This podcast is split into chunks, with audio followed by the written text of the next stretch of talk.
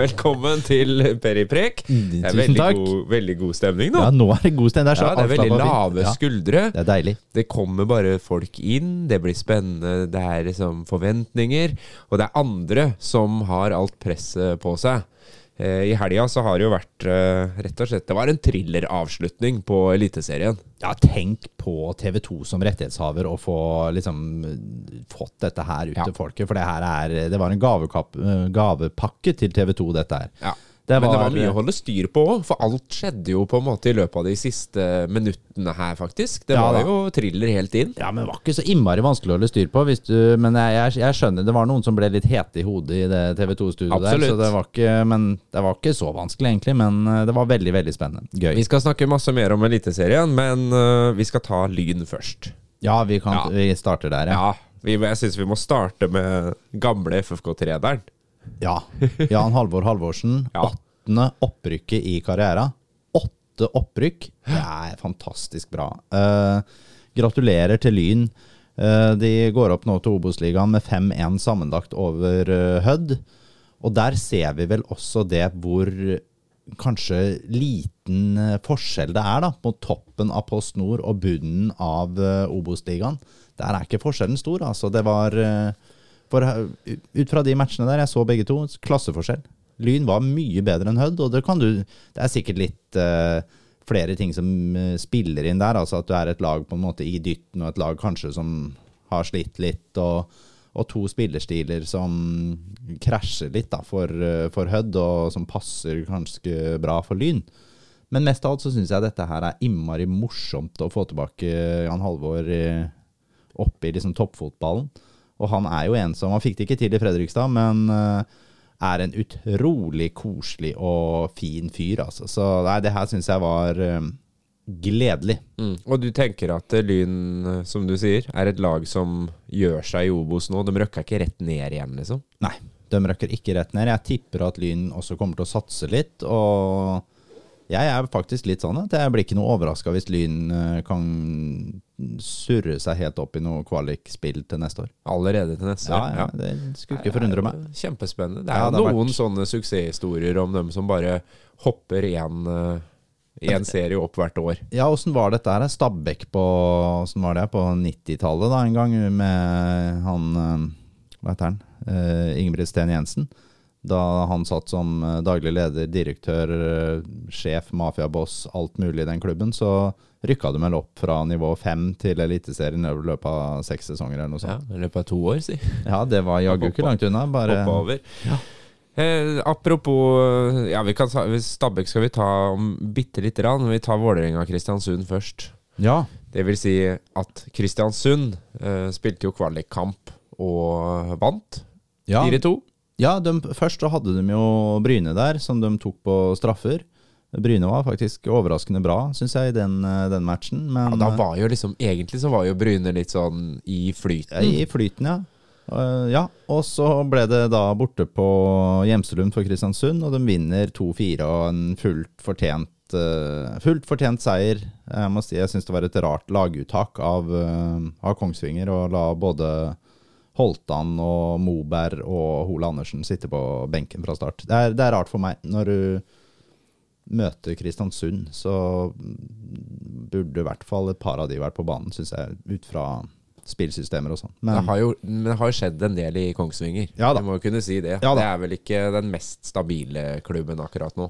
Eh, nei da, jeg, de er vel mer stabile nå enn når Vegard Hansen uh, var der. Men uh, nå er vel Vegard Hansen på vei til Arendal, etter hva jeg hører. Så ja. da blir det vel Er det russebusser der? eller? Det er russebusser der. Ja, pass, er det. På, pass på damene, folk. Yep. Nå kommer de.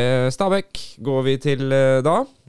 For jeg trodde jo at Stabæk skulle klare seg. Jeg, jeg trodde at Vålerenga skulle røkke ned. Eh, ja, Jeg trodde jo ikke du. Nei, jeg trodde ikke at Vålerenga skulle røkke ned. Jeg trodde ikke det. Men, Jeg eh, håpa litt på det. altså. men jeg trodde også at eh, Stabæk skulle klare seg. Altså. For jeg trodde jo at det var Haugesund som kom til å ta Men de slår Stabæk 3-0 i den avgjørende matchen der. Jeg trodde på Bob, Bradley-effekten, at den skulle virkelig sitte i, og vi fikk noe, et par Mosh Bakenga-mål, og de skulle klare seg. Det gjorde vi ikke. Og det nedrykket som Stabæk står overfor nå, det tror jeg kan bli skjebnesvangert for den klubben der, altså. For det er, det er en klubb som satsa alt for å rykke opp i fjor fra Obos-ligaen. Klarte det. Og så solgte de Gift Orban da. Fikk inn eh, hva var det for noe, 35 millioner, som dekka opp på en måte den store minusposten de hadde. Så har de fått TV-inntektene fra den sesongen her. Det Stabæk tror jeg må håpe på nå, det er at Gift Orban blir solgt videre, så de får inn de 12,5% som de har i videresalgsklausul der. Hvis ikke han blir solgt videre, så er jeg litt skremt over åssen den satsinga til eh, Stabæk skal gå, altså. Mm. Men det er jo et eh, spørsmål som vi må lure på, det da. Det er jo om Er det noen fra Stabæk som skal gå til Fredrikstad? Å ja, som spiller eh, spekulasjonsmessig. Ja, altså vi har jo vært igjennom på en måte Ålesund. Vi snakka litt om mulighetene for noen i Vålerenga, eventuelt hvis de skulle røkke ned. Og det er jo Ja fortsatt en mulighet. De Ja er jo ikke sikra. Absolutt ikke. Jeg tror Vålerenga står overfor en ganske stor utfordring i Kristiansund. Og ja, jeg, ja skal vi si at det er eh, 60-40 fordel Vålerenga, kanskje? Det er ikke så mye mer enn det, tror jeg. Altså, for de møter et Kristiansund-lag som er virkelig dytten der under Amund Shiri, som forresten også har fått eh, kontrakt som hovedtrener permanent i Kristiansund i dag. Nettopp. Eh, nei, men du spurte meg om det var noen Stabæk-spillere som kunne vært aktuelt for Fredrikstad. Det, det, er, det, jo, det er jo sikkert. Uh, men da er det spillere som skal passe inn i Thomassen-systemet. Det er spillere som vi på en måte ikke skal helst betale noe særlig overgangssum for, og alt dette her. Og ja, jeg ser jo noen allerede er liksom blitt litt sånn Mors Bakenga, han er vel ute av kontrakt, da. Men igjen, da. Blir 31. Kanskje Mors burde dra tilbake til Trondheim og spille opp eh, Ranheim. Jeg, jeg er usikker på om det er veien å gå. Fredrik Krokstad er jo en motor på midtbanen der, som er eh, en spiller jeg har veldig sansen for, men igjen Kan han igjen Er han for lik de vi har der, på en måte? Skulle vi hatt Altså skal annet? vi jo hente spillere som nå eh, egentlig er bankers, førstelagsspillere, som går inn og forsterker laget. Altså Ja. Vi har jo egentlig veldig gode benkspillere, hvis vi skal Ja bytte da. ut noen, liksom. Absolutt, absolutt. Så det, vi snakka om uh, Valstad sist, men han er jo ikke egentlig Stabæk-spiller, han er jo Haugesund-spiller. Han er jo utlånt til Stabæk. Og ellers så har du jo Tja, du har Isak Petterson, da. Keeperen. Han er ute av kontrakt nå. Jeg vet at Kalmar uh, ser eh, litt i den retningen. Han er en liten keeper, da. Det er også svensk, så da må vi bruke utenlandskvote i tilfelle. Ja, ja. Jeg nøyer meg med det, tror jeg. Du nøyer deg med det til nå. Vi kommer jo tilbake til litt eh, sånn spillerspekulering eh, etterpå. ha litt av det i dag òg. Yes. Eh, vi kan jo snakke litt om Eliteserien. Det er jo den Mm. vi skal opp i. Det er den som nå er eh, avgjort, rett og slett. Ja. Eh, hva, hvordan syns du liksom det står til nå i, med klubbene i Eliteserien i eh, starten av desember? Ja, det er sånn som Det Bodø-Glimt holder på med nå, er i en særstilling. Det, det kan vi jo ikke komme bort ifra. 70 poeng, altså. Andreplassen Brann på 61. Ikke Ja, sant? og det, det er jo på en måte De har 22 seire, 4 uavgjort og 4 tap, som er en veldig bra sesong. Det er ikke noe sånn Det er jo ikke helt sånn utrolig. Det som er utrolig, er jo at de gjør dette samtidig som de er så forbanna gode i Europa. Det er jo det som er utrolig her. Ja. De har en Pellegrino der oppe på, på vingen som har 38 målpoeng i år. Ny rekord. Så ja, for det er en ny norsk rekord. Ja, Ja. norsk fotball. Ny målpoengsrekord i norsk Ja. fotball. Men allikevel så prekes det om at han kanskje skal bort. Ja, jeg ser noen uh, greier på det. det.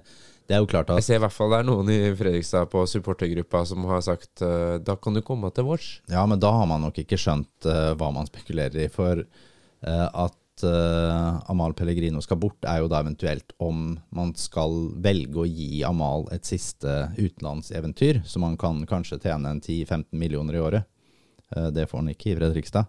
Og da vil han selvfølgelig også bli i Bodø og få spille Europacup. Selv om det er, det er jo sørover, da, så det er Ja. mye varmere her Ja, nede og vi, Så sånn vi har sett- vel heller kanskje ikke de 20 millionene å legge i overgangssum der, ellers. Så, Terje, Ja. Høyli Ja. Nei, ikke sant, så det, men det blir helt uh, Men det blir helt tullete. Men det kan godt hende Amal forsvinner til, til utlandet, og det håper jeg kanskje for hans del at han gjør òg, for uh, nå har han jo på en måte gjort det han kan i norsk fotball. Eh, og da Ja, det er jo Det Bodø-laget blir liksom ikke helt sånn klok på det heller, for du, du har liksom noen fantastiske spillere, da. Er han uh, Pemi som spissen deres syns jeg er fantastisk god. Han var jo ikke god i Kristiansund i fjor. Det, han var jo ikke det. Det var jo ikke en fantastisk spiller, men har et utrolig råmateriale som Kjetil Knutsen har fått ut fullt ut nå. Ja, for det er jo det det handler Ja, om. ja. Altså, igjen så er man jo på en trener som får maks ut av alle spillere på laget, i alle posisjoner. Ja. Og det er, jeg tenker det er det eneste som nå kan velte dette Bodø-hegemoniet, er nettopp at Kjetil Knutsen blir henta av en utenlandsklubb. Ja, det var jo snakk om allerede i fjor, så Ja, kanskje til før det òg. Ja, det kommer til å bli snakk om dette her i januar. Og det da man kommer til å begynne å sparke trenere både i England, Nederland, Belgia, Tyrkia kanskje. Mm. Ikke sant, å si at FCK, da, København, skulle si opp treneren sin. Kjetil Knutsen er selvfølgelig førstevalget der òg. Han vil stå som nummer én på veldig mange, mange klubbers liste. Så Bodø de er gode. Ellers så har vi jo Brann på annenplass i år. Brann har gjort en nydelig sesong, anført av Sivert Heltene Nilsen og, og Bård Finne. Veldig bra sesong, egentlig over all forventning. Spilte Obos i fjor, og så rett opp på sølv. Tenk deg det. Kan vi gjøre det samme? Ja, da trenger vi en Bård Finne, for Da å si det sånn. Vi trenger en målskårer av rang. Ja da. altså. Det er absolutt. Nå var det vel kanskje ikke Man forventa vel ikke kanskje det heller, i den grad. Nei, absolutt ikke. Uh, men det jeg tror vi kan lære av det brannopprykket Nå var jo de selvfølgelig helt suverene, det har jo ikke Fredrikstad vært på samme måte, men, men det vi kan lære litt av det, er at dette her er mulig å henge på ganske kjapt. Det er ikke sånn nødvendigvis at man ja, for å være med på en topp seks, så må vi bruke fire år på å klare det. Nei da, det trenger man ikke. Gjør man et knallbra vindu nå, og du får full klaff, ja, det er ikke noe umulig å få femte-sjetteplass i Norge. Og det er litt deilig å se, for Ja, ja. Det, det er jo ofte sånn at man har tenkt at det er tre-fire klubber som uansett ligger der oppe, og det er Molde og Rosenborg og nå etter hvert Bodø-Glimt. Ja, det- det, er- stemmer jo ikke lenger. Nei da, og det er sånn, vi kommer ikke til å ta igjen Bodø på en stund, sånn som det ser ut nå. Og Molde, selv om de kom på femteplass i år, holder også et enormt høyt toppnivå. Så de to klubbene er eh, i særstilling. Bak der, med Tromsø, Viking, Lillestrøm, Godset, Sarpsborg og Rosenborg, Odd. Det er ikke noe Ja, det mulighet til å komme opp på det nivået der ganske kjapt. Spørre deg om det, det derre strekket. Hvor, hvor stort er det strekket i Eliteserien akkurat nå, de fire-fem på toppen, kontra holdt på å si resten? Ja, hva, hva åssen type strekk? Snakker vi økonomi, eller snakker tenk, vi om ja, jeg tenker egentlig Ja, for det første er det et økonomisk strekk. Eh, altså Det er jo et poengstrekk og på en måte en Du ser jo en jevnhet i de laga som er mye større. Ja.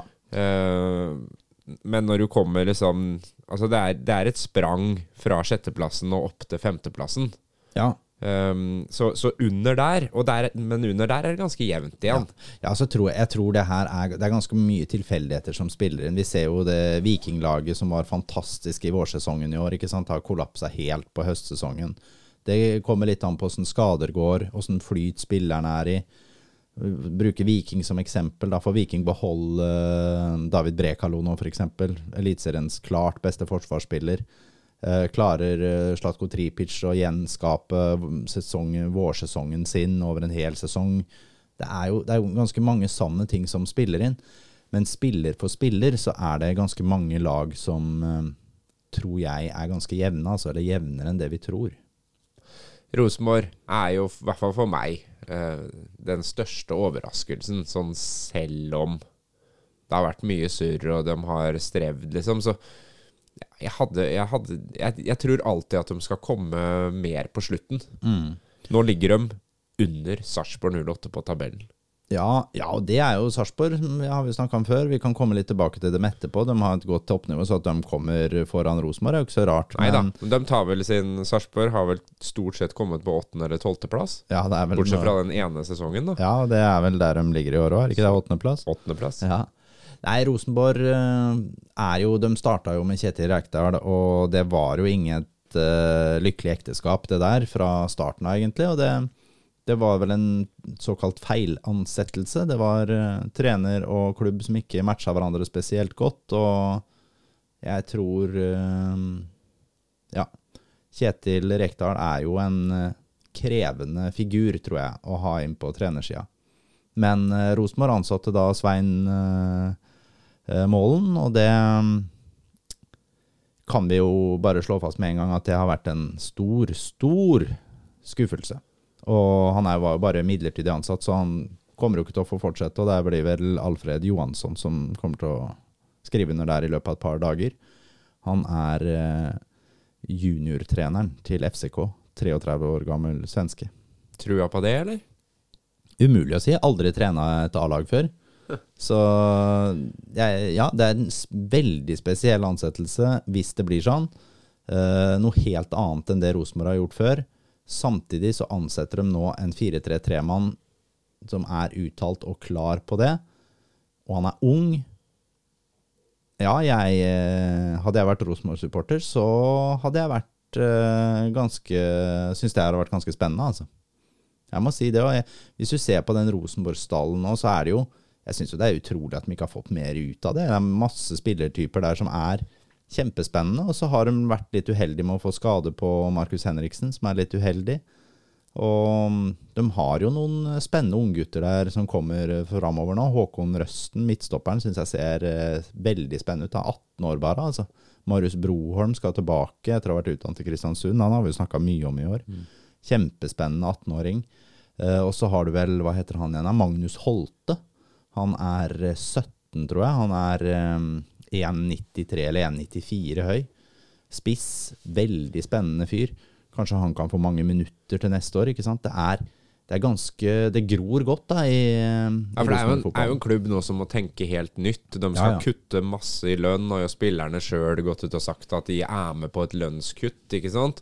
Så der har du jo det der paradokset mellom å skulle bygge videre på talenter, og samtidig være i økonomisk krise, egentlig, i forhold til det de har vært før, da. Ja da, det er, de har masse å gjøre, og Rosenborg kommer ikke til å ta noe seriegull til neste år, uansett hvordan trener de har. For det, det må ut ganske mye forandringer nå. De har jo, hadde en stall som var bygd til 4-3-3, og så kom Rekdal inn og bygde den om til en 3-5-2-stall. Eh, og nå skal de da være tilbake på 4-3-3. Det er jo eh, Det er ikke rart at eh, lommebøkene på Lerkendal blør, altså.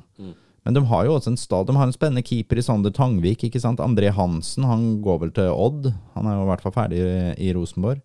Eh, Markus Henriksen kommer til å komme tilbake, kommer til å danne stopperpar i den fireren med, med Håkon Røsten. Det er jeg ganske sikker på, med Ulrik Yttergård Jensen da i backup. Det er ganske ok, det, sånn stoppermessig. I hvert fall i en, eh, i en firer bak.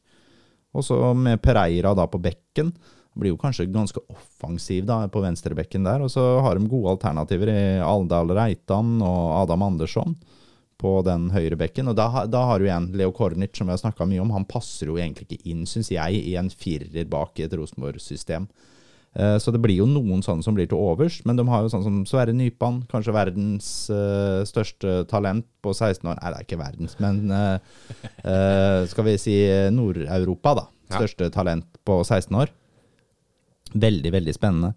Uh, du kan bygge en sånn Class of 92-klubb ja, det, det, nå, det, er, det er litt sånn, altså. Hvis de får, hvis de får inn nå noen gode, rutinerte 4-3-3-spillere og krydrer det her med, så kan det her bli veldig, veldig spennende. Mm. Men så er det klart, jeg tror ikke de kan gå med Edvard Hagseth og, og Skarstem, f.eks. En av de må bort. Per Siljan Skjelbreid har de allerede sagt at han får ikke ny kontrakt, Ja.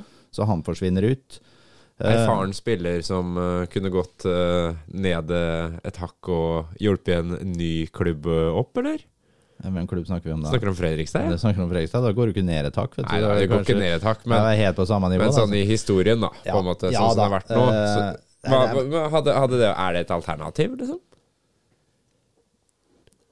Ja, sånn kulturmessig så, Det er klart, Jeg skjønner at han ligger på et eh, lønnsnivå nå i Rosenborg som er noe helt annet, men uh, det er jo ikke Ja, for- spiller på toppen av karrieren sin. Nei, Han er jo 36 år gammel, så det er klart at uh, Vi har jo snakka jo forrige pod en del om dette her, at Fredrikstad nå må se etter også spillere som har mye kamper under beltet i Eliteserien. Da snakka vi om Petter Strand, og vi snakka om uh, Anders Tronsen. Det er klart at eh, hvis vi hadde på erfaringsbeltet da, hadde hatt Tronsen som én og Petter Strand som nummer to, så kunne jo fort eh, Per Siljan vært nummer tre. Det er ikke det jeg sier. Vært landslagskaptein og er jo selvfølgelig hadde vært glimrende å fått inn i gruppa og sånn. Eh, om han hadde heva troppen så voldsomt, sånn rent på banen, det vet jeg ikke. Men det blir litt av den samme situasjonen som Tarrik, ikke sant? Det er kanskje ikke på banen vi hadde blitt heva voldsomt, men det er også en som har vært med på utrolig mye, ikke sant, og kan stå i de kampene som blir vriene, og gi mye erfaring til laget. Når det er sagt, så tror jeg ikke Fredrikstad går for Per Siran Skjelbreid. Men eh, hvis du tar den opp, så som et alternativ litt ned på lista der, så er det ikke sikkert det hadde vært det dummeste sånn sett.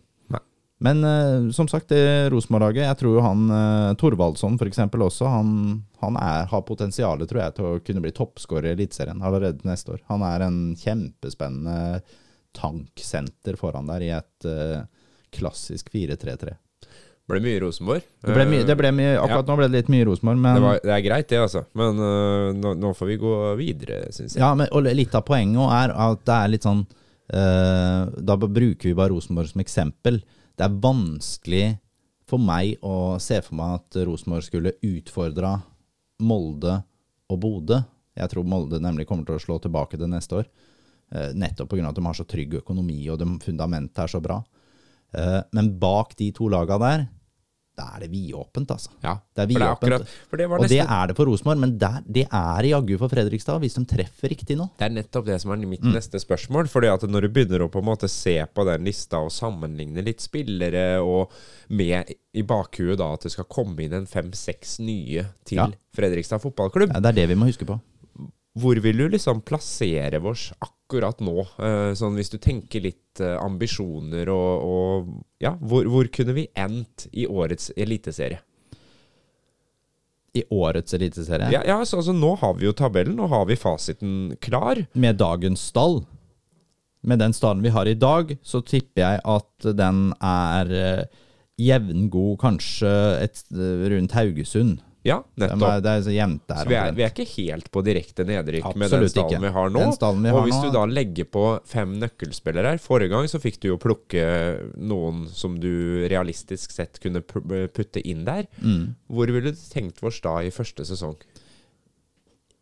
Full klaff i overgangsvinduet nå, øh, og vært heldig med skader, god oppkjøring ikke noe umulighet til å komme opp på en uh, femte-sjetteplass. Det er ikke det. Det er ikke noe umulighet. Jeg tippe, skulle jeg tippa liksom et veldig sånn prematurt, skulle vært uh, abortert bort-tips, så kan jeg vel uh, tippe en åttende-niende.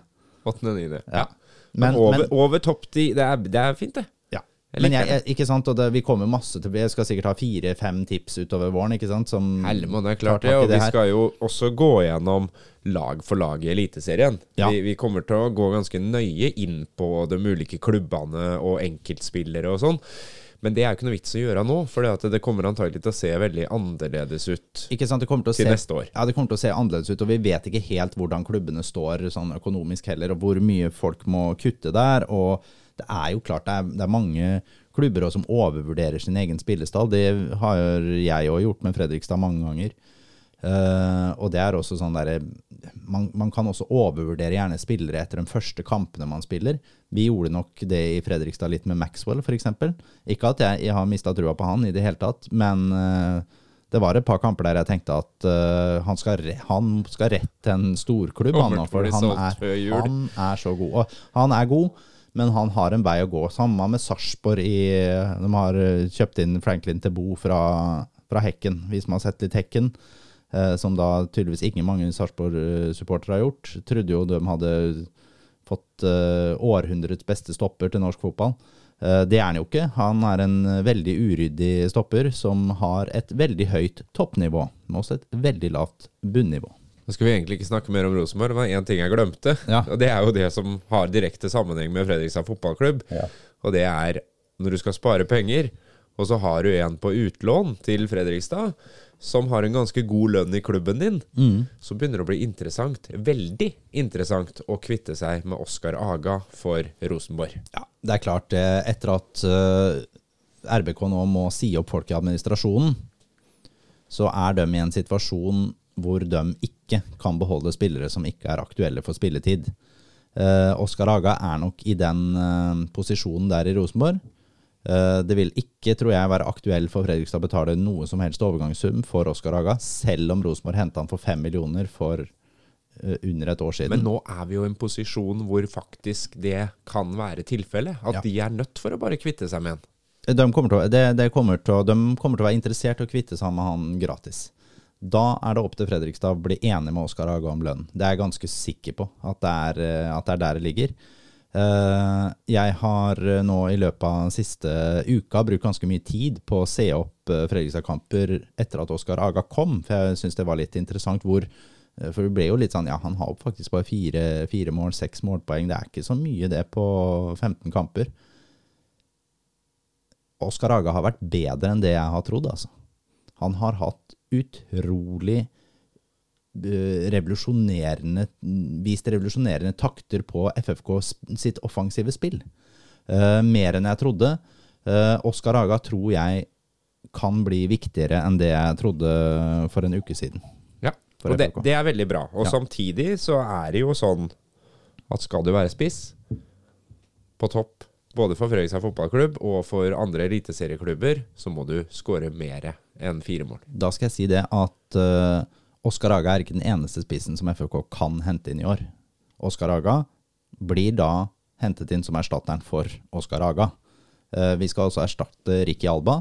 Uh, den erstatningen der må være ett hakk over, eller potensielt tre hakk over, hvis du skjønner hva jeg mener. Da må det være en som på en måte Oi, her ser vi en spiller som kan ta enorme steg. Ja. Ja. Og så litt spisskonkurranse hadde jo også vært litt digg, da. Ja da, vi har jo, vi har, sånn som det står nå, så har vi jo Bjartali, eh, og vi har Henrik Kjelsrud, og så velger jeg å kalle at vi har Oskar Haga, vi får regne med det liksom. Mm. da mangler vi en spissplass til, og Johannes Bjartali, han er en type, han er jo ikke en sånn typisk eh, spiss egentlig. Eh, Kjelsrud er vel en som på en måte vi ikke kommer til å regne med kommer til å spille 90 minutter, i hvert fall ikke uke inn og uke ut. Eh, Så her må det inn en som skal ha mye spilletid i klubben. Yes. Mm. Skal vi ta litt vin, eller? Vi skal til, Jeg ser du heller opp til deg sjøl og ikke til meg. Men det, det vet jeg ikke. Det er sånn det har blitt. Det, det skjønner jeg. Det Jeg rakk et glass Du skjønner, jeg lagde entrecôte til middag i dag. Siden det er mandag. Ikke sant? Du har blitt fin på det, du da. Ja, blitt veldig fin på det. Ja. Det, det er uh, fått uh, bidrag til uh, vininnkjøp. Det her er Sindre Karlsen, Sindre som har Karlsen. uh, takka for en hyggelig podkast. Det er veldig, veldig hyggelig. Tusen takk, Sindre. Jeg dro og kjøpte Vino Nobile di Montepulciano. Å, en Ja. deilig italiener. Ja da, det er jo Toskana-vin, det her. Ja. Uh, den ligger på rundt 300 kroner. 270. 2019. Oi, åh, det var deilig. Det var godt. Den er god, den. Den var god, den. Ja da. Den er ikke dum i det hele tatt. det var ikke usmak overhodet på Neida. den. Og den, den går til uh, vilt, og den går til okse, og den går til eh, lam, Podcast. selvfølgelig. Ja, til podkast kan du bruke den. Den går til alt, dette Ja. her. Nei, dette her var Ja, for den her, den Jeg tipper det er en del julemat og den passer til. Pinnekjøtt f.eks. Det er jo alltid litt sånn vanskelig med pinnekjøtt og sånn. Ja, du vet jeg er jo en eh, rødvinsmann, så jeg drikker jo stort sett rødvin hele tiden. Og jeg gjør jo det til og med på fotballpub. Ja da, Eh, Jeg du har, gjør det. jeg har begynt med det. Ja. Eh, Men til pinnekjøtt, da må jeg ha øl. Da drikker du bare øl. Ja, til pinnekjøtt drikker jeg bare øl. Vann Eh, på Lisella og sånn kan du jo ha til det, vet du. Ja, jeg, jeg veit det, men det er noe med det salte kjøttet, og du må liksom uh, øl. skvelpe unna litt. Det, Akevitt og ja, nei, akevitt eh, drikker jeg jo ikke. Men det er bra eh, for maven, det, vet du. ja, men det hjelper ikke, det, vet du. Ja, ja. Jeg tar ikke det likevel, jeg. Men det, øl syns jeg er helt nydelig. Men eh, denne rødvina her til podkast var la perfecto. Vi kommer jo ikke utenom å spillerespekulere litt eh, denne gangen heller, da, Fredrik. Vi Nei. må jo ha noen nye navn på blokka. Ja, Du, det satt, altså, du hadde jo masse sist. Du har, Ja. du har droppa i løpet av denne sesongen her. For det første så har du truffet på ekstremt mye. Og for det andre så har du jo droppa uh, mange spennende nye navn. Ja, jeg står veldig inne for den lista vi hadde sist der, som jeg tror er eh, gode, gode navn for oss, og, og noen skikkelig, skikkelig spennende navn. Jeg har Uh, Sitter jeg og titta enda litt mer på Jasper Silva Torkelsen, f.eks., som vi snakka en del om til. Som, da snakka vi vel om Bråtveit og Silva Torkelsen som på en måte keeperalternativer som er norske. Uh, Silva Torkelsen tror jeg Eller jeg er helt sikker på Start er interessert i å selge den. Sånn rent ut fra dømmes økonomiske situasjon. Uh, han kommer til å koste litt penger. Ikke nødvendigvis så voldsomt mye, pga. at han har ikke vært så god i år. Men her har vi en keeper som vi kan virkelig tjene penger på. Så det her det er litt det samme som det vi, det vi har snakket om før, at du må også satse litt for å vinne, da. Kanskje han koster oss tre millioner å kjøpe ut av kontrakta med Start, hvis vi er heldige, for det gjør han nok. Uh, men slår han til, så er det en keeper vi kan selge kanskje for 25. Da er han ikke så dyr likevel, er han det? Nei. Ikke sant? Så nei, eh, han har et så rått potensial, så hvis vi har mulighet, så bør vi kaste oss inn i den eh, krigen om han, tror jeg. Eh, vi snakka jo om flere sist. Vi snakka jo en del om Anders Tronsen, blant annet. Der er jeg fortsatt også syns det er spennende. Eh, vi snakka om Petter Strand, i hvert fall spillertypen Petter Strand. Eh, jeg oppfordrer aldri til å se nå på Kristiansund eh, mot Vålerenga nå på onsdag, og returoppgjøret er vel på søndag. Uh, følg med på litt den spillertypen som Petter Strand er. Uh, ikke nødvendigvis fordi han er han, men for den, den type spiller, og hva det hadde gjort med FFK-systemet hatt inn en sånn fyr. Kan skåre mål òg. Han var jo på lista over uh, potensielt årets mål. Absolutt. Han, han har ganske mye i seg, altså. Mm. Uh, hvis vi skal snakke litt videre om Vi har jo snakka veldig mye om den venstrebekken, ikke sant? Uh, nå snakka Hvem var det vi havna på sist? Ja, det var Raufoss-spilleren. Og så snakka vi om Valstad sist. Uh, skal vi nevne en mossing òg, da? Eller han er jo ikke mossing, men han spiller på Moss. Ian Hoffman, ikke sant? Ja, ja. spilt i Tyskland, ungdomsfotballen der.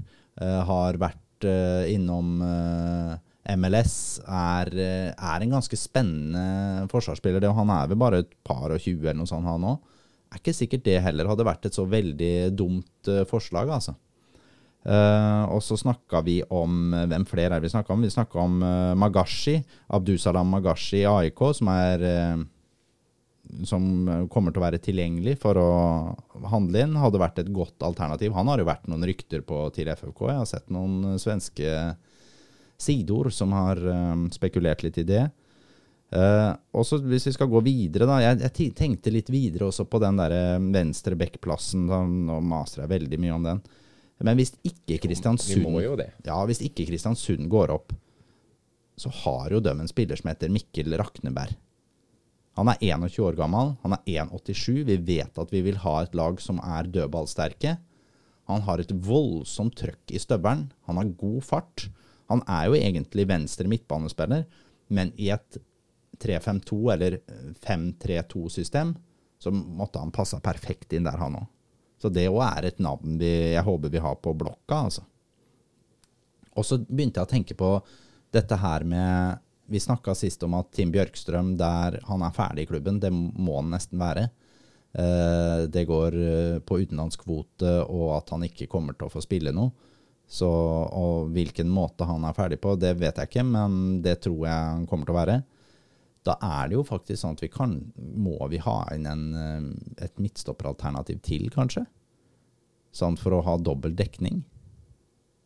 Jeg lurer på det. Ja. Uh, er det også sånn at Eaton Amundsen Day har et halvt år igjen av kontrakta si bare i FCK, eller? Han er bare 19 år. Lokal Fredrikstad-gutt. Kanskje vært uh, OK hatt han som liksom, femte valg eller noe i den duren. Mm. Er ikke sikkert det hadde vært det dummeste. Uh, ellers så er det to eh, kontrakter i dag som jeg ser kommer til å bli um, uh, hva heter det, oppheva eller uh, terminert. Ja. Og det er nummer ni på Hamarby, Adi Nalic. Han har vært sånn inn og ut av det AIK-laget. Han som en indreløper i et FFK-system, 1,90 høy. Å, herre min. Han kunne vært en fantastisk spiller. Uh, jeg tror heller ikke det er et helt umulig valg å få til. Jeg har ikke vært fast på Hamarby. Ja, vi må, må satse. Eller så er det en som heter uh, Hvis vi fortsetter virkelig på venstrebekken, da, hvis vi skal gå inn der, så er det en som heter Adam Lundqvist. Uh, Austin MLS. Han eh, har jo ikke så mye høyde, er ikke så målfarlig, men er en sånn en um, Duracell-venstrebekk. Opp og ned, opp og ned, opp og ned. opp og ned. Har spilt mye wingback, passer godt inn sånn sett. Uh, hans kontrakt går ut nå i Jeg tror vel det er på nyttårsaften. Uh, han får ikke fornya den kontrakten med Austin. Tja, kanskje ikke det hadde vært heller det dummeste valget å gått for er jo kanskje en som blir for dyr i drift, men det er jo også der vi må prøve oss, da. Han vært, eh, var veldig god for Elvsborg Elfsborg eh, før han gikk til USA. Så eh, jeg får si litt sånn som jeg sa sist, at de spillerne som vi nevner her, er jo eh, Noen av de tror jeg er aktuelle for FFK, det tror jeg virkelig de er. Eh, andre er jo også sånn for å vise litt åssen markedet er, og, og hvilke markeder vi må se i. Du har det norske, svenske, danske, men du har jo også en del andre markeder som er eh, litt spennende. Og også med tanke på at eh, det er jo noen skandinaviske spillere som forsvinner ut av kontrakt eller er i unåde i klubbene sine på en eller annen måte. Mm. Men så er det også markeder som jeg er helt blank på, som jeg ikke kjenner til i det hele tatt. Eh, lavere divisjoner i Sør-Europa f.eks. er helt null peiling. Jeg kunne aldri Du har jo han Moreira som gikk til Bryne midt i sesongen i år, f.eks. Det er jo en spiller som er helt fullstendig ukjent for meg. Han er vel også en som De prøvde vel å Det er jo han Claudio Braga i Moss som har mm. fått han til Norge. Ja, det skjønte jeg. Han, han, prøvde å få han til Moss, og så hadde ikke Moss økonomi til å hente han, og da gikk han til Bryne. Ja. Så det, der, der, er det jo en sånn helt annen type vei inn i norsk fotball, ikke sant. Mm. Og så, har du det selvfølgelig med Michael, eh, så har du det færøyske, det islandske, det danske. Ja, og det her er og jo Og der er jo et svært marked av ja. mange potensielle spillere som vi ikke kjenner så godt. Ja, og det danske markedet er ikke så vanskelig egentlig å følge, følge med på. Der klarer man en del. Det var litt enklere før. Uh, litt sånn rettighetsmessig og sånn, men det, det, er fortsatt mulig å følge med på. Men islandsk er kjempevanskelig å følge med godt på. Så um, ja, Joakim Heier har en uh, stor jobb å gjøre, men herre min, for en spennende jobb, gitt. Ja, helle måned. Det var moro. Jeg ser, jeg ser, på FK-supporteren, så er det jo Apropos folk som mister kontrakta si, da. Mm. Stefan Johansen, 32 år. Ja, jeg ser jo at det er mange som spekulerer i Stefan Johansen. Ja, men hva, hva, når, når, sånne spillere som du vet er på enorme lønninger i utlandet, mm. blir kasta ut som et uh, liksom navn, mm. er det noe realisme i det i det hele tatt? Mange av de som blir kasta ut, er det nok ikke noe realisme i. Eh, men akkurat Stefan Johansen tror jeg ikke hadde vært helt 100 eh, umulig. Det. Han er en som hadde vært verdt å liksom ta en telefon til, tenker jeg. Uh, samtidig så tipper jeg at han kommer til å signere kontrakt med Bodø. Jeg tenker det. Han, ja, trener, du, du tror det? Han, han trener med Bodø nå, og ja, jeg ser egentlig for meg at han går inn i det Bodø-systemet. Det kan godt hende han også går inn hvis Albert Grønbekk blir solgt. ikke sant? Kanskje de får 150 millioner for Albert Grønbekk. Kanskje det er greit med en overgangssesong da, med Stefan Johansen inn i den rollen. Ja, det, er, det, er, ikke så dumt. Det er ikke så dumt. Ja, tror du Grønbekk forsvinner med en gang? Jeg kan ikke forstå noe annet enn at han går nå, i, i januarvinduet. Albert Grønbekk er per dags dato altfor god for å spille i, i norsk eliteserie. Han holder så høyt nivå. Eh, han har også vært såpass god i Europa at jeg tror, uh, jeg tror klubber kommer til å være interessert i å betale ja, opp mot de summene der. Da. 120, 130, 140 millioner. Og da tror jeg også Bodø vil være interessert i å selge, for da kan det finansiere enn to eller tre nye Albert Grønbekker som kan bli like gode. Det er dette vi må huse på, folkens. At når mm. du sitter på stadion til neste år, så er det disse spillerne du får se for første gang. Ja, og det her er jo Vi har jo snakka masse om dette her, sånn som Maxwell, da. For å nevne han igjen. For vi har ikke så veldig, hvis vi skal være helt ærlige, vi har ikke så veldig mange salg, store salgsobjekter i i FFK. Du Nei, Det er jo pga. alder og alt mulig. Ja, ja. Du har, du har Maxwell. Han har, slår han virkelig til, så kan vi heve inn ganske mange millioner på han. Uh, og så har du en spiller som Filip Aukland, og for så vidt kanskje Sigurd Kvile, hvis vi tar forsvarsrekka vår. Uh, begge de to har også et potensial, så hvis de virkelig slår til, så kan de bli solgt. Men da snakker vi kanskje om summer ned 10-12 millioner som en makspris, uh, tror jeg, da, på, på de. Mats Nilsen er på en måte for gammel til at vi kan få henta ut noe penger av han. Uh, det samme er det liksom Håvard Jensen som keeper. Jeg tror ikke det er mulig å hente ut mye penger av, på det nivået der. Uh, hvem flere er det vi har her som er verdt å Simen Raffen er selvfølgelig for gammel til å kunne på en måte vi kunne tjene penger på den. Ville vi jo selvfølgelig ikke gjort heller. Uh, det er Julius Magnusson, da. Mm. Uh, men det er klart, en sekser er heller ikke sånn kjempelett omsettelig i markedet for store summer, og da vil det kanskje være mer han er mer verdi å ha for oss i klubben. Sondre Sørløk er for gammel til at vi kan tjene mye penger på han. Uh, Brandur er jo det samme sjiktet, kan vi ikke tjene mye penger på. Uh, Bjartali er, som jeg har snakka om før, han er heldigvis for gammel, for han er så god. Hadde han vært 22 år, så hadde jeg vært redd vi skulle miste han nå. Ja, det, det hadde jo nesten vært garantert, tenker jeg. For det første så må han jo nå bevise et, en sesong eller to, mm. og da er han plutselig 29-30. Ja, ja. Så det bør vi ikke være så bekymra for. Signerer vi Oskar Aga og han får en knallsesong, han er 22 år, ja. der. Er det et sted vi kan tjene penger. Mm. Eh, hvis han slår, til, slår, ut i full blomst. Ja, ja. Det blir til og med moro å drive med fantasy i Eliteserien neste år. En ting er jo spillere inn og ut, eh, Fredrik, men det har kommet inn eh, kom jo beskjed i dag om uh, ny fysisk trener. Det snakka vi jo mye om sist, at vi, både klubben og vi forventa jo et tilskudd til der. Ja. Og det var Thomas Lane, eller Thomas Lane, Thomas Lane. He's a, he's a boy from Ireland. A boy from Ireland, a, yeah. so he's called Thomas Lane. Men uh, vært i Malmö og Bodø, ja. og det høres jo veldig bra ut, tenker jeg. Absolutt, det syns jeg høres eh, Jeg synes det høres med en spennende signering. Jeg, vi rota litt med navnet på han som Nei, alderen på han som var ansatt sist. Ja. Eh, jeg vet ikke alderen på han her heller. Jeg opplever han som ung. Han virka ung. Han er ja. uh, framme på, på, TikTok og greier, så jeg. Ja, han er jo ganske aktiv på TikTok, skjønte jeg. Så. Han ser jo ut som en uh, cal som har mye overskudd, og som har stor arbeidskapasitet. Absolutt. Ja. Uh, han har Og mange, mange, baller i lufta. Han trener liksom G16, 19, 20, ordner fram og tilbake. Har uh, Ja. Etter hva jeg kan forstå, så har han vel hatt akademiet som fysisk trener på, i Bodø. Ja.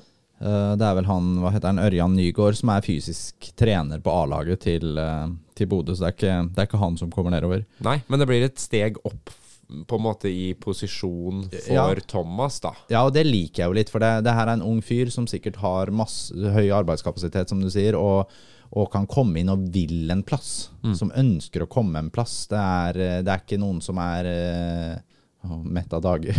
nei, nei, nei, men det er viktig, det. Ja. Det er viktig, det. Jeg syns det ser ut som en eh, meget, meget eh, spennende signering, og det er jo en som har jobba i et uh, godt maskineri, maskineri og et uh, akademi som er veldig velfungerende. Vi vet Det er det samme akademiet som Stig Johansen, Tiago Martins. Det er, det er flere gamle, gode, kjente fotballnavn som jobber i det, i det Bodø-akademiet. Ja, Daniel Berntsen er der, blant annet. Ja. Sier litt om ambisjonene. Altså, Michael og Knutsen har jo kryssa veier tidligere, og har kanskje litt likt tankesett. Eh, det at han henter en av hans uh, disipler, eller hva du skal kalle det. da. Ja, og det er, han er vant til å være under en sånn type trener, for uh, Kjetil Knutsen og Michael Thomassen er jo like i å ha en fullstendig total diktaturstil, og hvor harde de er, og hvor mye de krever av staben sin og spillergruppa si.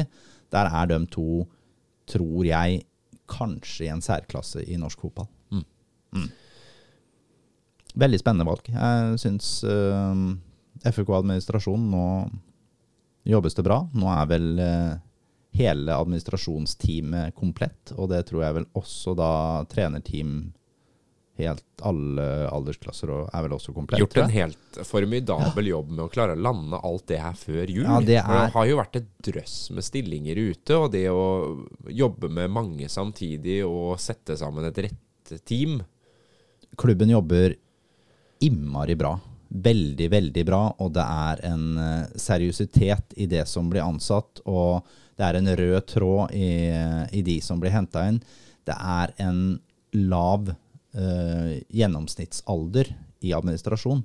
Og det, det, er ikke for å aldersdiskriminere noe som helst, men jeg tror at det er den arbeidskapasiteten du må legge ned for å være i FFK nå, Da tror jeg det er eh, lurt at man har eh, en del å gå på. Apropos Mm. 35 år, Tarek Elionussi. Vi kan vi- ikke slippe den helt ennå. Skal vi snakke om Tariq i dag òg? Vidar Henriksen, vet du, Fredrikstad Blad. Vidar, vet du. Suveren. Ja, Vidar Suveren, da.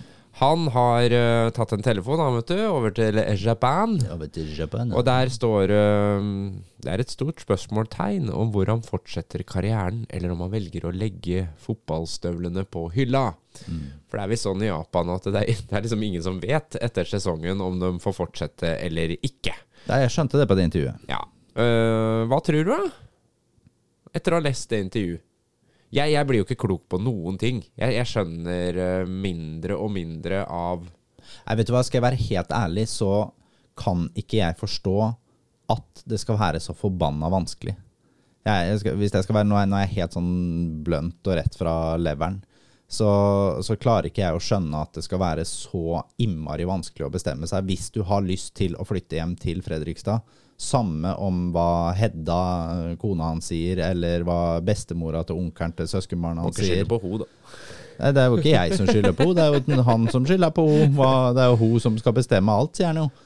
Eh, Men hvis du har ordentlig lyst til å komme hjem og avslutte karrieren i Fredrikstad, så er det her siste, siste, siste siste mulighet. Siste muligheten har vel egentlig kanskje vært, men det er i hvert fall siste nå. Hvis du har ordentlig, ordentlig lyst på et år til med innmari mye bedre lønn nå, da. Helt riktig, men da er ikke det like greit å bare si det da. Jo. Vet du hva, vi ser etter eh, Vi ser etter et eh, tilbud i eh, Saudi, eller vi ser etter et tilbud i Qatar eller Australia, eller et USA-eventyr. Jeg er i hvert fall ikke overbevist. Og jeg, jeg tenker jo for min del Du sa Tarek sist. Gjerne få han inn på laget. Jeg vil ha en som er 110% motivert for å spille for Fredrikstad fotballklubb i Eliteserien. Det er ingenting som har blitt sagt fra Tarek sin side nå som tilsier at han mener det nå. Ja, Jeg, jeg hører hva du sier, og jeg er vel eh, enig i mye av det du sier. eh, Men jeg skulle gjerne også- ønske at det var Ja, annerledes. altså, så, så må vi jo ta med det at det er vel mye vi ikke veit. Vi veit ikke hva han har snakka med Joakim Heier om, vi vet ikke hva han har snakka med Espen Engebretsen om, og vi vet vel heller, kanskje det vet ikke Tariq heller, hva han direktøren i Japan vil. Eh, men for meg så hadde jeg ønska at Tariq skulle i hvert fall sagt at for meg så er ikke eh, det er ikke aktuelt med et år til i Japan. Det, det er den jeg er liksom savner det. Det er akkurat en sånn Eh, tydelig en hinting om hvor du vil hen. Enten så legger jeg skoa på hylla, eller så vi er interessert i å prøve noe nytt, eller vi. Vi vender nesen gjennom om det blir med FFK eller om det blir en sivil jobb. Det får vi se. Uh, det er helt tydelig at, han, er at han ønsker å holde mulighetene åpne. da I forrige intervju han ga, så nevnte han uh, Saudi-Arabia, Mm. ikke sant? Uh, og nå er han litt tilbake på ja ja, vi får se hva som skjer i Japan. ja, da, og så Ja. vet vi det at dette med kontraktsforhandlinger, det er et spill. Det er et spill fra agenter, og det er et spill fra spilleren, og det er et spill fra klubben. Uh, og så må vi da se hvor langt eventuelt klubben hadde vært villig til å strekke seg for en som blir eh, 36 år i januar. Den er god. Hvis jeg hørtes veldig negativ ut nå, så er ikke det meninga. Nei, da, vi, vi, ønsker jo en avklaring, egentlig. man ønsker en avklaring, og det er, ikke, det er sånn at FFK per dags dato blir ikke eh, revolusjonerende mye bedre på banen med Tariq Elionossi. Eh, det kan godt hende han har mye å gi, og at vi kanskje hadde blitt hakket bedre. Eh, men vi hadde blitt en mye mer Eller mye mer. Vi hadde blitt en i hvert fall litt mer interessant klubb for eh, mediene. Og det er ganske mye verdt i dagens fotball. Og en annen ting som vi må preke om, Ja, det er jo publikum. ja Vi blir jo mer interessant både for uh, Fredrikstad-folk, og ikke minst for de som kommer og får se sånne spillere i aksjon. Det er jo et stort poeng. Og så så jeg nå at der, uh, Altså, det er jo litt sånn eh, oppsving i Eliteserien. Altså Interessen og tilskuertallene øker for veldig veldig mange klubber. Sånn som Tromsø er jo helt formidabelt. Nå har de selvfølgelig hatt en kjempesesong. Ender på tredjeplass, ikke sant? Og kunne jo tatt sølvet, hadde de Ja. bare skjerpa seg litt. Ja, ja, ja. Eh, men jeg så på obosligaen.no en økning på 61,4% Ja, I tilskuertall? Tilskuertallet til Tromsø har økt med 61,4% og det er, ja, som du sier, det er ganske, det er ganske formidabelt. Og det er klubber øker ganske mye. Stabæk øker med 55 Og det, det å kommer de selvfølgelig til å merke til neste år. Det er jo som du sier en katastrofe å rykke ned Det er i en den katastrofe. sesongen. Men hør her nå. Stabæk rykka opp. Altså, de øker med 55% fra Obos. Ja. Eh, vi kan komme tilbake til Fredrikstad straks, men vi har også en klubb som Viking. De øker med 30% De var gode i fjor òg, men øker med 30% Alle klubber eh, sitter og øker nesten. HamKam går litt ned, og så er det selvfølgelig Sarpsborg 08. Da. De er jo på stedet hvil, liksom. Der er det jo ikke noe er, det er jo en klubb uten, uten noe stor interesse, og dem, samme hvor godt de gjør det, så, så blir det vel ikke noe stort ut av det, egentlig. De har vel et tilskuersnitt på De er under 5000. Ja, hva er det det? 4-9 eller noe sånt, er det ikke det? Ja, Det er jo ikke noe problem for oss å slå det. Nei, jeg vet ikke. Hva, hva havna vi på? Vi havna på fire Ja, 150 150 mennesker mindre i snitt enn Sarpsborg 08. Tenk deg det. To uh, forskjellige divisjoner, altså. Ja. Uh, jeg, det jeg kan lese ut fra de tallene her, er at det går et lite skille under Vålerenga. Vålerenga har eh, 10 500 i snitt. Så kommer Lillestrøm på 7500. 7500 på Lillestrøm. Jeg tenker det er der FFK må legge seg. De må opp på rundt 7500 i snitt, og da ut på dagens uh, eliteserietabell når det kommer til tilskuere, så hadde vi da vært på femteplass. Bak Brann, Rosenborg, Viking, Vålerenga og så FFK. Og de det her betyr jo ekstremt mye. Det klart det Både for interessen mye. rundt klubben og hva du bygger videre på. Ja, og da er vi jo nettopp inne på det vi snakka om i stad. ikke sant? Dette her med eh, det, ikke, det skal ikke så forbanna mye til. Vi må, Nå trenger vi ikke å tenke at dette her tar ti år å bygge opp. De ti åra har vi nå brukt. Nå kan vi begynne å ta steg, og nå må vi ha ambisjoner om ting. Og nå må vi ha ambisjoner om å ikke klare oss i Eliteserien, men etablere oss på en god måte. Ikke sant? Og da, det her er jo den jobben som Joakim Heier skal ut og gjøre nå, med å styrke den spillerstallen. Ikke sant? Vi kan se på Sarpsborg 08 nå, som mister alle de beste spillerne sine. Vi nevnte det sist. ikke sant? Kjetil Haug ut av kontrakt, Bjørn Inge Utvik ut av kontrakt, uh, Jo Inge Berge. Uh, han uh, Pascal er ute. ikke sant? Alle de beste. Maigor er ute. De beste er ute av kontrakt. Sånn er ikke Fredrikstad. Fredrikstad har nå sin Alle de som vi ønsker å ha med, de har vi på kontrakt. Og så skal vi krydre det med fem nye.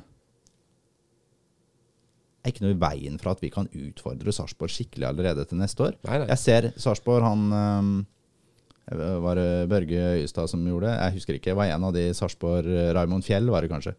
Som gikk ut og sa at uh, man hadde vært veldig uheldig med at man ikke klarte medalje. Det var et eller annet Sandum sa i år. Hadde det ikke bare vært for den, den, den, den, den, den, den, Ja, så den, den, den, den kampen, så Hadde det ikke vært for at vi tapte 5-2 i den ene Ikke sant? Kampen. da hadde vi vært der. Også dret vi ut vår til den andre. Så det, det er det dummeste intervjuet jeg har sett. De har ambisjoner om eh, medalje til neste år. Eh, og det, og det, det Jeg liker jo det. Det Alle er sånn som. Thomas Myhre i denne kampen Han ropte på VAR en halvtime før FFK skåra mål. vet du ja, ja, så, Hvis du spoler lenge nok tilbake, så ja. ja, det er fine greier. Ja da. Nei, men det, ikke sant. Hvis Sarpsborg 08 har som mål om å klare tredjeplass da, til neste år, så da kan, eh, da kan fint Fredrikstad ha det òg. Ja, Vi skal bygge en stall som er eh, I hvert fall kan utfordre 08 ganske godt, tror jeg. Helt klart. Og så er jo salget er jo veldig, veldig godt i gang. Absolutt. Trond Halvorsen er jo en av våre gode, faste lyttere som eh, alltid lurer på liksom litt den greia rundt. Og i slutten av november så var jo allerede sesongkortsalget uh, dobla fra, fra den sesongen vi var i nå. Altså, det ligger jo ekstremt godt an, og jeg hører at der, folk som ikke har hatt noe tradisjon for å være på stadion eller noe spesiell interesse, de sier jo nå at neste år skal jeg ha sesongkort. Skal jeg ha med guttungen, eller skal jeg ta med Ikke sant? Ja, ja, ja. Det er en helt Det, det gjør altså Det er så stor forskjell i den derre markedsverdien i å spille i Eliteserien kontra Obos. Ja, og det er ikke så rart. Du har, eh, du har supportere som vil være der uansett. Jeg hadde, hadde vi vært i femtedivisjon, så hadde jeg vært der. Uh, uan, sendt. Men det er ikke så voldsomt mange av den typen. det er forskjell selvfølgelig om vi møter Brann eller Åsane.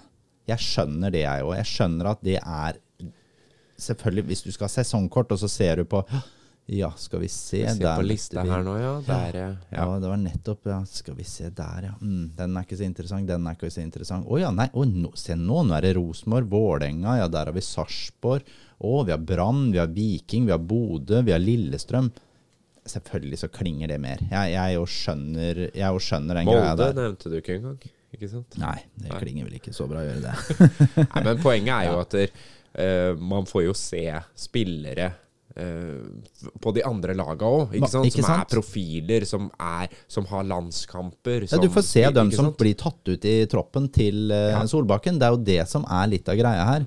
Vi kommer også opp på et nivå nå som gjør at våre spillere kan bli aktuelle for landslagsplass for Norge. Jeg sier ikke at vi har noen nå som aspirerer til det, men poenget er at det, blir, det ligger på et helt, helt annet nivå. Absolutt alt som vi skal opp i.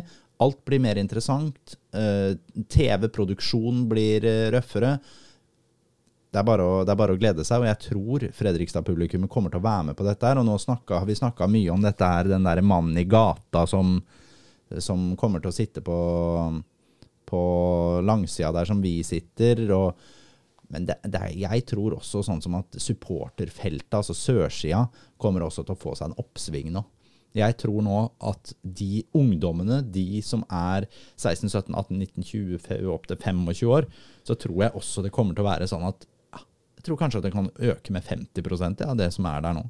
Det tror jeg òg. Ja. Det tror jeg jo. Tenk, tenk deg å vokse opp nå Ja. uh, med en klubb i uh, medvind, på en måte. Ikke sant? Å få disse her hatoppgjøra nå mot Sarpsborg 08, de kommer til å være veldig viktige for både 08 og for FFK. Jeg tror eh, Nå er jo ikke supporterkulturen i Sarpsborg 08 veldig bra. Eh, Der er det Der ligger det an til å være veldig mye bedre i FFK. Eh, og jeg håper de kommer til å synge det Sarpsborg-rælet ut av matta. For den, den kampen der må vi vinne på tribunen, både hjemme og borte. Og så skal vi få kjørt oss ganske kraftig mot Blue Boys og hva heter det, Ikaros og Vålerenga-greiene. Det, det, det er en del tøffe grupperinger som eh, vi skal være litt forsiktige med. Altså, så, men det kommer til å bli et helsikes liv på Fredrikstad stadion. Vi skal fylle noen kamper til neste år, det kommer vi til å klare. Men at snittet skal komme seg opp mot uh, 7,5, det må være målet for FFK. Altså. Men det, bortsett fra Sarpsborg 08, Mm. er det noen andre holdt på å si, rivaler? Sånn tradisjonsmessig, er det noe å preke om? Uh, nei, uh, egentlig ikke, syns jeg. Uh, det er jo litt sånn at vi har jo, som vi har snakka om før, vi har studert i Trondheim. Og da er det jo sånn Der kommer det jo folk fra hele landet. Og da, da treffer man jo på supportere også fra forskjellige klubber, så vi har jo en del naturlig nok liksom kjennskap til noen i de forskjellige miljøene.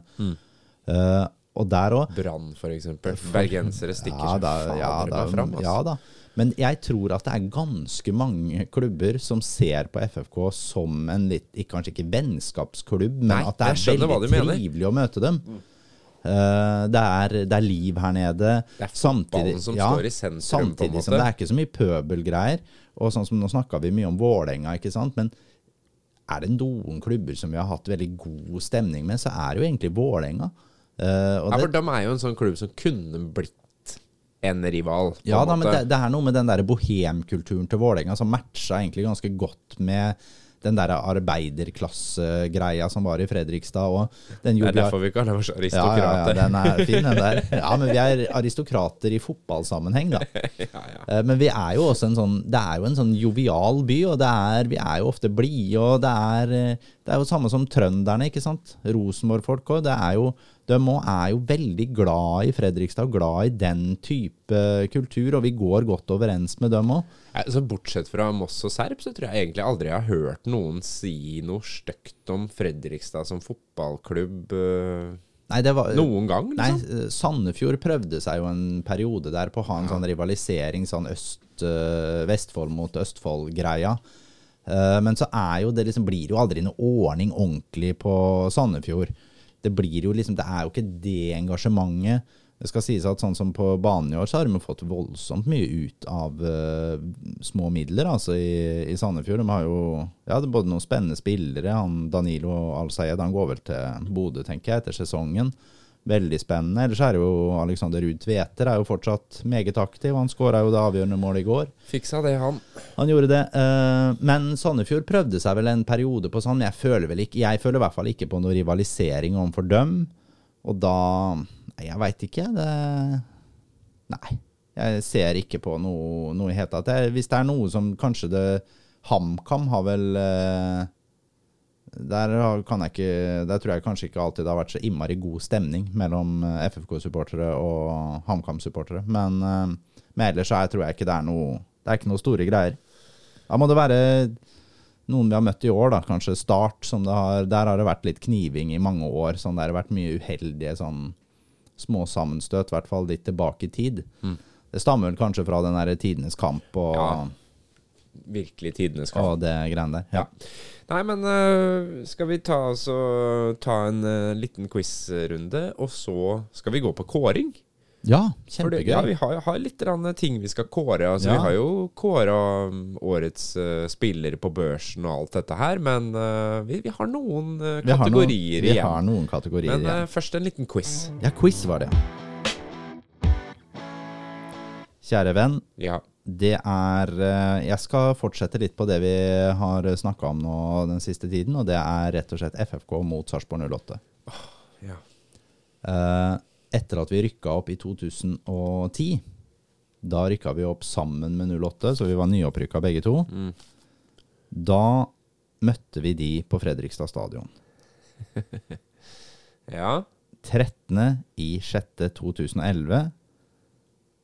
Dommeren var Svein Erik Edvardsen. Det er bare en sånn morsom Han dømmer jo ikke noe mer, for å si det sånn. Nei, det gjør han ikke. Eh, husker du resultatet i den kampen? Nei. Jeg ble 1-1. Ja. Da skal Hele quizen er hvem skåra FFKs mål? I 2011 Skal jeg si hvem, hvem som eh, Det er en spiss.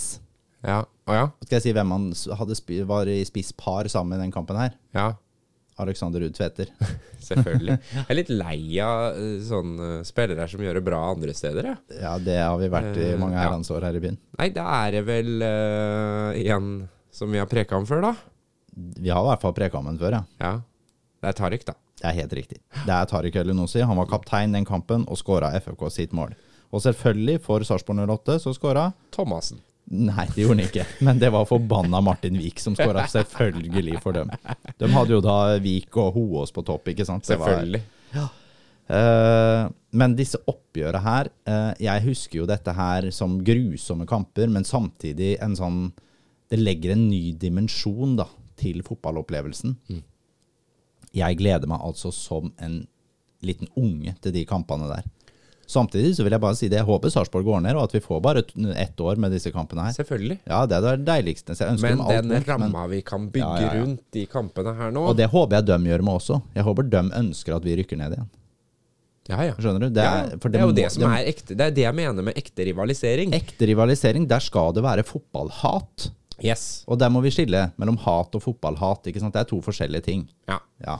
Men nå skal vi kåre årets hunk, vi skal kåre årets sutrekopp, vi skal snakke om årets spiller, vi skal ha årets mål, årets øyeblikk og årets eh, menneske i klubben. Yes. Rett og slett. Skal vi fyre løs, eh, Fredrik? Ja, det er noen av disse her vi har fått litt hjelp til da med å kåre. Ja, det er Og det jo. så er det noen som eh, vi har tatt på tatt sjæl. Ja. Årets spiller kan vi jo ta først, for den er allerede kåra. Ja, der, der sto vi, snakka vi om at eh, det er, det, det er to, syns jeg, som har skilt seg ut. Og det er Bjartali og det er Mats Nilsen. Vi gikk etter børsen, og årets spiller i FFK, ifølge Peri Prek, er Mats Pilsen for Nilsen Nilsen. Pilsen er for Nilsen. Oh yes. Yes. Skal vi ta årets mål, da? Årets mål, ja. Ja. Skal du ta det, eller skal jeg ta det? Ja, altså, det jeg tenker jo at det er veldig veldig vanskelig å komme utenom eh, Barcelona-fotballen, som Ja. vi eh, spilte på et tidspunkt der hvor det var sånn flikk, flakk, flikk, flakk. Det var Magnusson til eh, Altså, den ballen var innom mange. Den var innom mange, og den kombinasjonsspillet vi gjør på Raufoss sin banehalvdel på Fredrikstad stadion der 2-0-målet mot Raufoss i en kamp vi vant vel 3-0.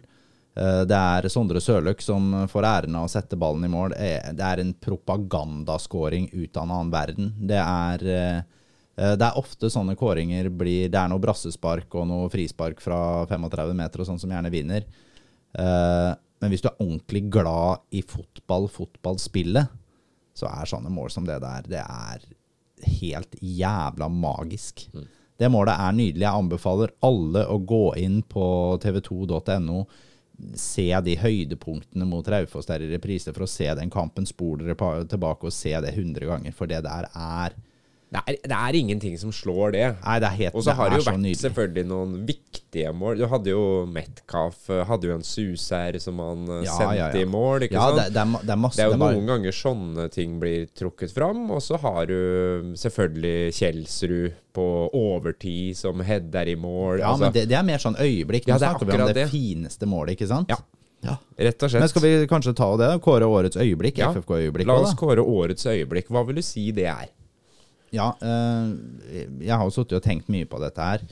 Eh, og for meg så er det, er det er jo noen som er oppe til uh, diskusjon der. Du har Kjelsrud-målet mot Åsane, f.eks., som er en sånn ja, en definisjonsskåring. Du har bortemåla mot eh, Kongsvinger, som er superviktig. Men det mest sånn eh, magiske årets øyeblikk for meg, det må være borte mot Skeid i det 90. minuttet, eller hva det var, da vi går opp til eh, 2-1. Conté ned til Ludde Begby, som kommer rundt på kanten, smekker den inn på huet til Johannes Bjartaloy. Et fantastisk mål som inneholdt på en måte alt. Eh, da følte jeg at nå, nå er vi liksom Vi er på vei, det var viktig. Vi møter båndlaget. Det er ikke godt nok med 1-1 her borte. Eh, og det er fra foten til Ludde, og det er så mange FFK-supportere som er på tribunen. Jeg var der sjæl. For meg så er det årets FFK-øyeblikk. Mm. Og så litt den derre følelsen som du får på 1-1, og du klarer å vinne allikevel, liksom. Den derre opplevelsen av at i år er året. Ja, og det, er- det, jeg føler det målet der var liksom symbolet på FFK denne sesongen her. Ja. Det der, okay. det lille ekstra Det tipper Ja. i vår favør. Eller vi klarer å stå hele veien inn, da. Vi er, var kanskje ikke så forbanna gode i noen av kampene vi vant, men vi vant dem. Vi vant dem med ett mål. Vi var der, vi klarte å pirka det inn. Ok, vi var dårlige mot dem, og vi var dårlige mot dem, men fader, vi fikk med oss poeng, og vi fikk med oss trepoengere. Og det her syns jeg var det beste eksempelet. Det nei, for meg var det et eh, deilig, deilig FFK-øyeblikk fra Ja. 2023. Bra. Årets uh, sutrekopp. Det er ikke noe hyggelig pris å gi det. Nei, det er på en måte den negative prisen. uh, skulle nesten ikke tatt med den. Nei. Det var dårlig stemning. Det var dårlig stemning. Nei, jeg, jeg tenker det er Kan velge å droppe den. Ja, nei, vi tar, nå tar vi den med, for nå har vi diskutert det. Så nei, vi har to muligheter. Jeg syns det er det intervjuet som Ricky Alba gjør etter sesongen. Jeg syns det er eh, Jeg hater sånne intervjuer, så det, jeg nominerer han. Eller så får vi nominere Conté fordi han ruller og ruller og ruller og ruller og rullekaker rundt på banen.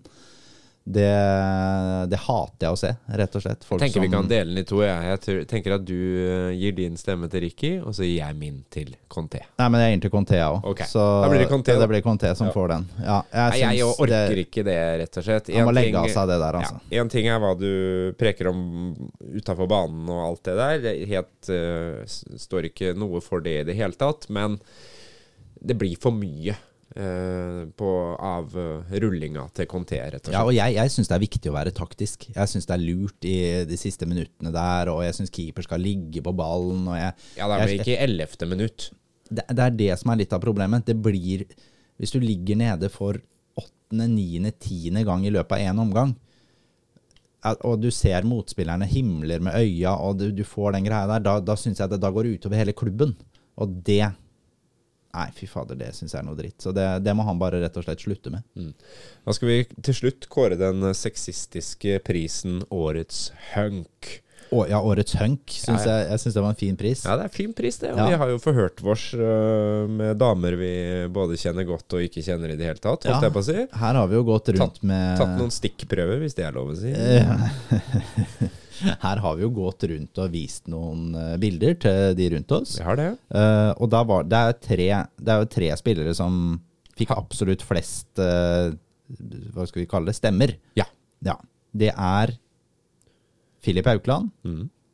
Håvard Jensen og Mats Nilsen. Yes. Det er tydeligvis de som faller i mest smak eh, blant det motsatte kjønn. Ja, du har jo på en måte den staute vikingen som kan beskytte deg i enhver situasjon. Du har uh, Aukland, som er litt sånn slick rick-fyren som drar opp kortet og spanderer på byen. Og så har du Håvard Jensen som kommer med et eller annet rart filosofisk utsagn som du kan gruble på hele natta og lure på Sa han egentlig at det var pen, eller mente han bare at eh, jorda ikke er helt rund? Ja, ja, ja. Så her er det mye Her er det mye å ta Ja tak i. Men ja skal, vi, skal du få lov å kåre årets hunk, du da? Skal jeg gjøre det? Du kan ta det, du. det er vanskelig. Ja. Nei, altså, det var jo veldig Det var veldig jevnt. Du, du, kan Um, velge, du kan velge å bare følge stemmene, eller så kan du velge å overprøve stemmene. Jeg tror faktisk jeg velger å eh, overprøve stemmene. Ja, greit. Um, for det er nok eh, Altså, det, det står mellom eh, to midtstoppere her, Ja. rett og slett. Yes. Men det er bare én Mats Pilsen er for Nilsen. Pilsen er for Nilsen er også årets hunk i FFK. Rett og slett. Ja, det er jo rett og slett sånn at eh, Aukland og Nilsen fikk like mange stemmer, så da fikk du lov å ta den. Ja. Ja. Det ble Nilsen. Yes. Det er jo det trikset jeg pleier å gjøre, er hvem hadde tatt seg best ut i en brannmannuniform. ja, det er nok uh, Og det når Mats nok, Nilsen da eh, kommer ja. ned den glidestanga Ja. Med litt sånn åpen eh, brannuniform Ja. Ja, han uh... Det er ikke mange tørre seter på stadion, for å si det sånn. Å, vi har blitt en sann podkast. Nei, vi har ikke det, egentlig. Vi har ikke det. Det, det, det Ja. Nei, det sklir ut, men ja, Skal vi ta siste kåring òg, eller? Vi tar siste. Årets menneske. Ja. Årets FFK-menneske. Ja. Jeg syns den var litt sånn fin. eh, Litt sånn fin. Jeg har tenkt på, jeg tenkt på mange som er involvert, både frivillig rundt klubben, eh, både spillere, trenerapparat, eh, administrasjon. eh, rundt på hvem som markerer seg som sponsorer. Det er, det er mange å ta her. Um, vi Ja, har Det er jo ganske mange kandidater, egentlig, når du begynner å se på det sånn, som Ja. du sier. Vi havna vel på et finaleheat. Havna på et finaleheat. Jeg hadde jo Kunne også nominert en som kanskje ikke nådde helt opp i finaleheatet. Ja, det er Tim Bjørkstrøm. ja absolutt. Tim, kunne, ja, Tim Ja. kunne fort vært med. Men de tre på topp, det er Engebretsen, Yes. Michael Thomassen, og så er det yngrebandens Felix. Yes. Yes. Og denne skal du få ta. Da skal jeg få ta den. Ja, Vi diskuterte jo mye fram og tilbake. Uh, alle tre får Eller du skal ta med Timo, da. Alle de fire fortjener virkelig den eh, prisen. Jeg tror at det er én som har gjort at FFK er der de er i dag. Jeg tror ikke vi har vært i nærheten uten den mannen. Årets FFK-menneske er Espen Engebretsen. Gratulerer, Espen. Gratulerer, vel Det har altså vært en eh, Ja, hva, hva skal man si? Hva, du, hva kan man si om den jobben, eller den endringa du så fra Espen Engebretsen eh, kom inn, og man gjorde noen veldig gode valg i hvordan man strukturerte administrasjon? han har, han har lagt opp til noen linjer der som vi ikke har vært i nærheten av å se før, eller i hvert fall på veldig mange år. Uh, og så har han også tørt å satse på en helt ny måte i moderne tid i FFK. Det har ikke vært hodeløs satsing, men det har vært et helt bevisst valg at hvis vi skal opp, hvis vi skal ta nye steg, så trenger vi det her. Det er sånn det må være. Vært helt rolig, men veldig klar i ambisjonsnivået sitt. Uh, ja, Espen Engebretsen han er viktig for Fredrikstad fotballklubb, og han kommer til å være viktig i de neste åra som kommer òg. Gleder meg til fortsettelsen. Ja, jeg òg. Eh, helt til slutt så har jeg bare lyst til å ta opp én ting, og det er det vi driver og rigger oss for nå. Nå rigger vi administrasjon, vi henter inn spillere, vi har på en måte Kommunen pusser opp stadion, selvfølgelig, det må de jo. Mm. alle, alle sånne ting skjer. Mm. Men så har du det som skjer før og etter kamp. Ja. Jeg er litt spent på uh, hvordan vi håndterer bortesupporterne. Mm. Én ting er at du fyller båthuset med Fredrikstad-supportere, ikke sant? Men Ja. hvor, hvor skal du plassere bortesupporterne? Får vi til noe på gamle O'Learys eller Tap House? eh, altså Ja, hvor, jeg, jeg føler jeg liksom kaster opp en hanske her nå, for det at noen må ta tak i det der som kommer til å skje når eventuelt Vålerenga, Lillestrøm, Brann, Rosenborg Alle de her kommer med supporterne sine. Vi, vi, er ikke, vi er ikke Det her blir mye, mye større enn det vi tror. Ja, ja, byen er ikke Eller Vi er ikke vi er ikke rusta, vi er ikke rusta for dette dette her for det. akkurat nå. Uh, og det her er jo Jeg har jo tenkt ganske mye på det. Jeg synes jo, Skal jeg begynne på øh, hjemmesupporterne først? Jeg synes jo Vi har ikke så gode alternativer for hjemmesupporterne. Det er jo mange av oss som ikke går på bortekamper. Eller vi, vi er familiefedre, og vi, det har vi ikke mulighet til. Men jeg vil gjerne ikke alltid se kampen hjemme. Jeg vil gjerne gå ut og ta noen øl eller hva det skulle være, eller et glass rødvin. Altså Hotell Fredrikstad har jo tatt et eh, ansvar der med å vise kampene. Ja, det er vel ja, men det er, bare føler, det. ja, Og så føler jeg det er på det nivået. Tatt et ansvar med ja, ja, vi får vise de kampene.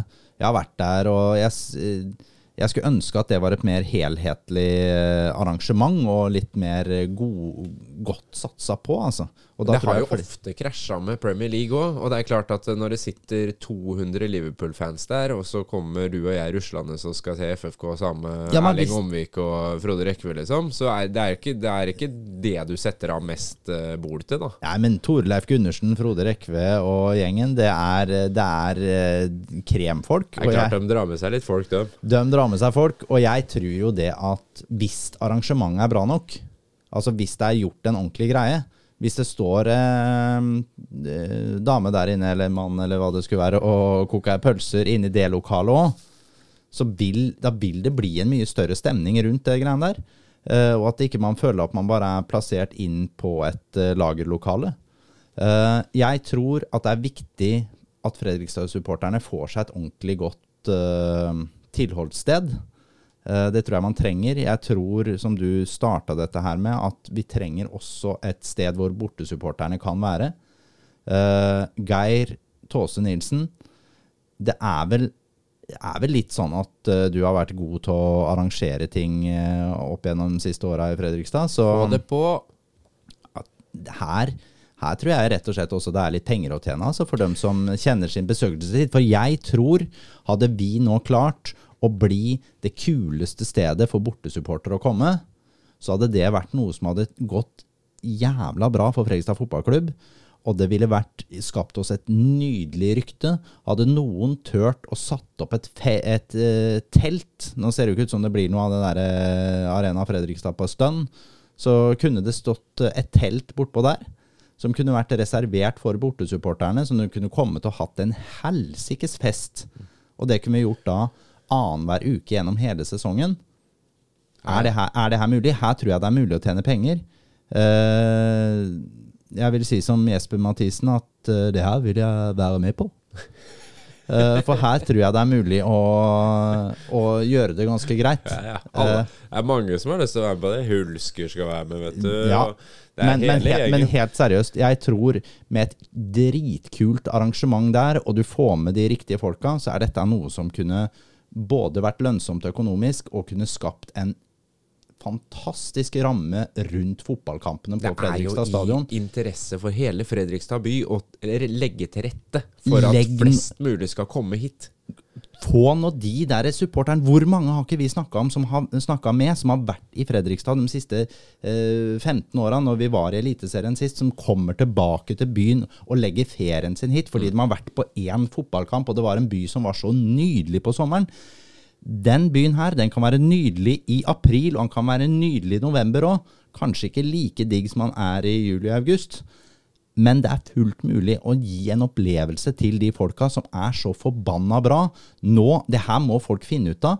Jeg står gjerne der og tapper øl, ja, altså til en Vålerenga-supporter, hvis det hjelper. Jeg er usikker på om jeg gjør akkurat det, men uh, uansett så tror Eller Kristiansund. eller Kristiansund. Men skjønner du meg? Ja, ja. Det her fader, nå må byen eh, komme sammen, gjøre en skikkelig kul greie ut av dette her, for det her kan nå uante høyder. Det kan ikke være det samme som å komme til Sarpsborg og stå der oppe. Hele arrangementet på Fredrikstad stadion. ikke sant? Du skal, kommer du inn som eh, bortesupporter, du blir tatt imot på en helt annen måte enn du gjør i noen annen by. Du blir geleida til et svært telt som er kledd i farvene til ditt eh, lag. Det er dine klubbsanger som blir spilt. Jeg hører at dette er nå sitter vel sikkert uh, sørsida-folka og tenker det skal faen ikke være sånn. Men dere må tenke på, starter vi den kampen der allerede?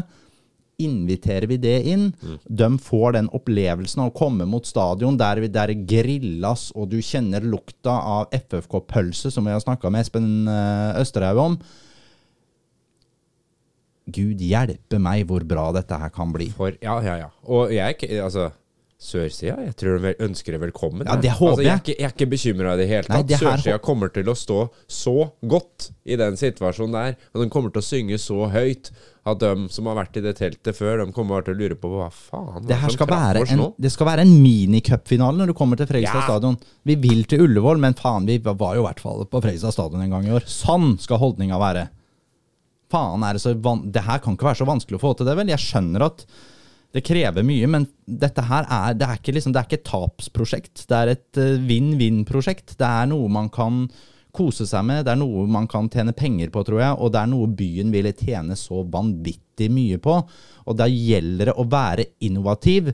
Ikke sant? Dette her gjelder jo alt som du satser på byutvikling. Byutvikling koster penger, men du må se hva du får igjen om ett år, om fem år, om ti år, om 20 år. Jeg er Nei, det her er ganske viktig. Dette er viktig. Dette er viktig. Dette er viktig, Det kommer vi til å preke mer om. Oh yes. Eh, neste gang så tror jeg det blir kavalkade. Hvis Nest. det ikke skjer masse Hvis det ikke kommer inn liksom nye spillere og litt sånne ting, da blir det jo en ekstra pod. Men vi nærmer oss jul. Vi skal oppsummere hele sesongen. Vi skal gå inn for uh, landing, og vi skal høre alle de kunstneriske innslagene vi har laga i løpet av sesongen på nytt igjen, og preke oss litt gjennom noen kamper og noen øyeblikk og ja åssen det ligger an. Jeg syns det, dette kommer til å bli veldig hyggelig. Altså. Det blir en uh, Og så skal vi ha ølsmaking. Da skal vi ha ølsmaking. det blir en ordentlig Sandli, juleepisode. Jeg får øl av Lars Sandli denne uka her. Og du kommer til å få julegave av meg direkte på poden. Er det sant? Det er helt sant. Åh, folkens, det er bare å glede seg.